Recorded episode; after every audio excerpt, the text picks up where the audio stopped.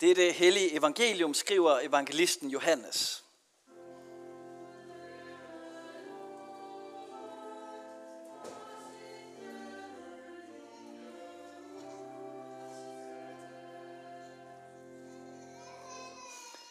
Derefter tog Jesus over til den anden side af Galileas sø, Tiberias sø. En stor flok fulgte ham, fordi de så de tegn, han gjorde ved at helbrede de syge. Men Jesus gik op på bjerget, og der satte han sig sammen med sine disciple. Påsken, jødernes fest, var nær. Da Jesus løftede blikket og så en stor skare komme hen imod ham, sagde han til Filip, hvor skal vi købe brød, så disse folk kan få noget at spise? Men det sagde han for at sætte ham på prøve, for selv vidste han, hvad han ville gøre. Filip svarede ham, brød for 200 denar slår ikke til, så de kan få bare en lille smule hver. En af hans disciple, Andreas, Simon Peters bror, sagde til ham, der er en lille dreng her. Han har fem bygbrød og to fisk. Men hvad er det til så mange? Jesus sagde, få folk til at sætte sig. Der var meget græs på stedet. Mændene satte sig. De var omkring 5.000. Så tog Jesus brødene, takkede, delte ud af dem, delte ud af dem til dem, der sad der. På samme måde også fiskene, så meget de ville have. Da de var blevet mætte, sagde han til sine disciple, samle de stykker sammen, som er til overs, så intet går til spilde. Så samlede de dem sammen og fyldte 12 kurve med de stykker af de fem bygbrød, som var til overs efter dem, der havde spist. Da folk havde set det tegn, han havde gjort, sagde de, han er sandelig profeten, som skal komme til verden. Jesus forstod nu, at de ville komme og tvinge ham med sig for at gøre ham til konge. Og han trak sig atter tilbage til bjerget, helt alene. Amen. Må Helligånden oplyse sind og hjerte og velsigne ordet for os. Amen. Måske har du prøvet at være sulten eller tørstig. Måske har du prøvet at faste op til en undersøgelse på øh, hospitalet, eller det kan være, at du har forsøgt at faste for at tabe dig. Og når man gør det, så mærker man sulten. Her i kirken, der er vi lige nu i fastetiden. Det er den tid, der er mellem fastelavn og påske. Og i den tid er det tradition for i kirken, at man faster. Så det kan være, der er et par stykker her, som er i gang med en lille faste fra sociale medier, eller kaffe, eller noget andet. Traditionelt så fastede man fra mad. For eksempel et par måltider om ugen, som man sprak over. Og derfor så er den her beretning om brødunderet, den, som jeg lige har læst, den ligger lige her mellem fastelavn og påske. For med sulten i maven, der kan man mærke, hvad det er, der bliver talt om.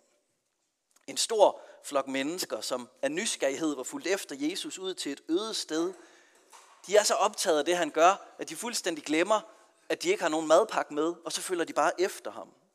Og Jesus han får ondt af dem, for hvad er det, de skal spise? Og det vi ser her, det er, at Jesus han viser sig som den, der giver dem mad i ørkenen. På den måde så træder han ind i deres bevidsthed som en, der havde en helt særlig plads i historien. Han var den profet, der skulle komme. Han skulle opfylde de gamle profetier, for de havde jo oplevet før, at Gud han gav dem mad i ørkenen.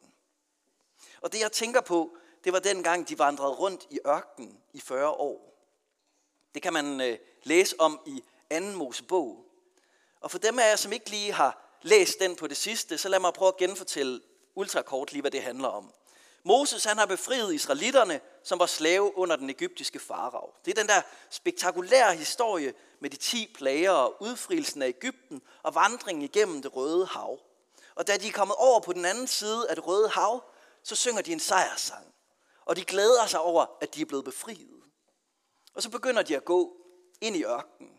De går en, to, tre dage ind i ørkenen, men der er ikke noget vand så begynder folk at vende sig imod Moses. Skal vi ikke have noget at drikke, Moses? Så kommer de til en kilde, men kilden den er fyldt med bittert vand. Og så får Moses lov til at gøre et mirakel fra Gud, hvor han får et stykke træ, som han kan smide i vandet, så vandet det bliver frisk. Og på den måde, så gav Gud dem vand i ørkenen. Så rejser de videre. Men det går ikke ret lang tid, så bliver folk utålmodige og urolige igen. Og så siger de til Moses og til hans bror, Gid vi var døde tilbage i Ægypten, da vi sad ved kødgryderne og kunne spise os mætte. Nu har I ført os ud i ørkenen for at lade os dø her af sult. Og det taler Moses med Herren om, og så siger Herren til Moses, jeg har hørt, hvordan israelitterne giver ondt af sig.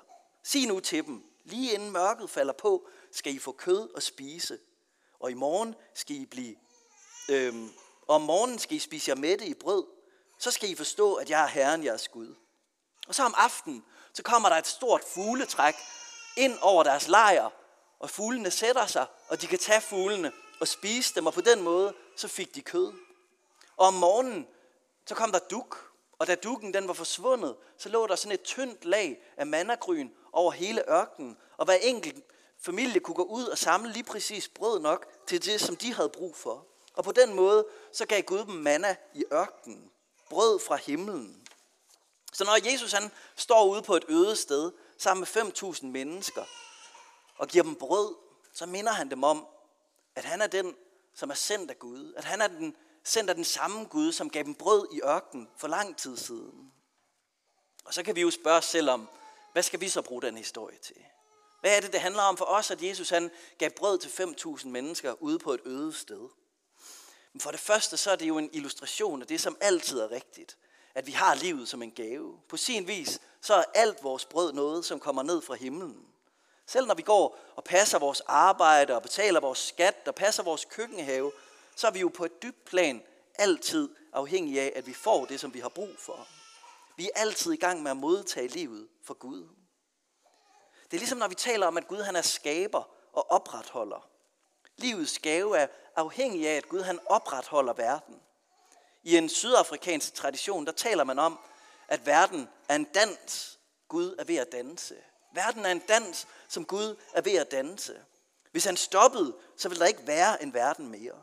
Og derfor tager vi mod livet fra ham, som i skønhed er ved at danse verden frem i eksistens.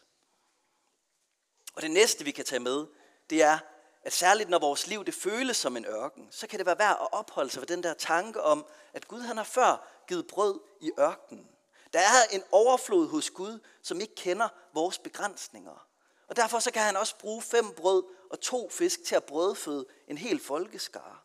Og det var jo ikke fordi, det var magiske fisk, men det var fordi, det var i hænderne på ham, for hvem intet er umuligt.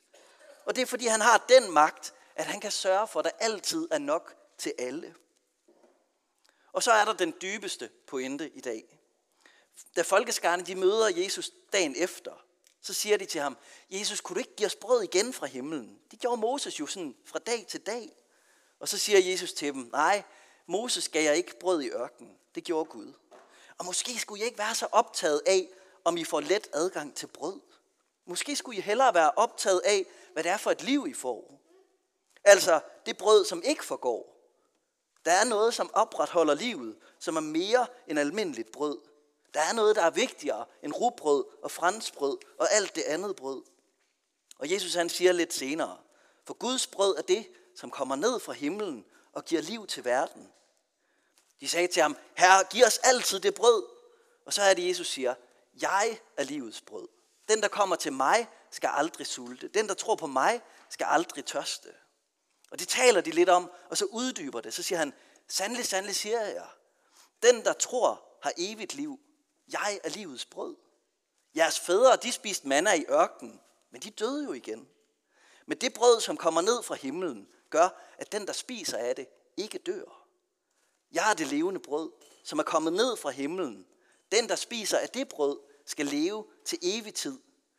Og det brød, jeg vil give, er mit kød, som gives til liv for verden. Det er svære ord. Og det var det for dem, som hørte det første gang. Nogle af dem blev sure over det. Og det er måske svært for os at fange det, men hvis man tager imod det, så er det nogle håbefulde ord. Jesus han kom til os. Han gav os sit liv i kød og blod, i liv og død, og derfor så er han blevet vores levende brød. Det er det brød, som ikke bare holder os i live, men som giver os evigt og fuldt liv, som gør, at døden den mister sin kraft over os.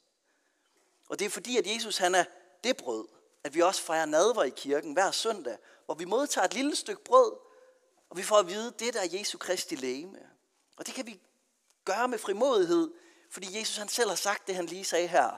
Det brød, jeg vil give, er mit kød, som gives til liv for verden.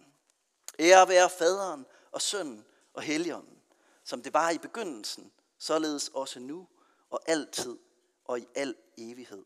Amen. Gud, i dag så beder vi for dem, som oplever livet som en ørken. Vil du komme med dit brød til dem? Vi beder for dem, som oplever tvivl eller slet ikke kan finde nogen tro. Kom og bliv deres brød i dag. Og vi beder for dem, som oplever åndelig sult i deres tilværelse. Kom og fyld dem. Giv dem næring og kraft fra dig. Og så beder vi for dem, der er syge og sorgfulde. Trøst og styrk dem, Gud. Vi beder for dem, der er fristet må du komme med din nåde hjælp.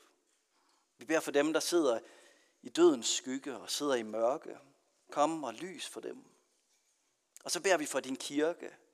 Gud, vi beder om, at du må møde os i dine hellige sakramenter, i dåben og i nadveren. Og vi beder om, at dit ord, det må have frit løb i blandt os. Må dit rige med retfærdighed, fred og glæde i helligånden udbredes og vokse. Og Gud, så beder vi for vores land. Beskyt og beskærm vores land. Og vær nær ved alle dem, der har magt. Og vi beder velsignelse over dronning Margrethe og hele hendes hus. Giv dem og os alle noget, fred og velsignelse, og efter et kristet liv den evige salighed. Lad os med apostlene tilønske hinanden. Hvor Herre Jesu Kristi nåde og Guds kærlighed og Helligåndens fællesskab være med os alle. Amen.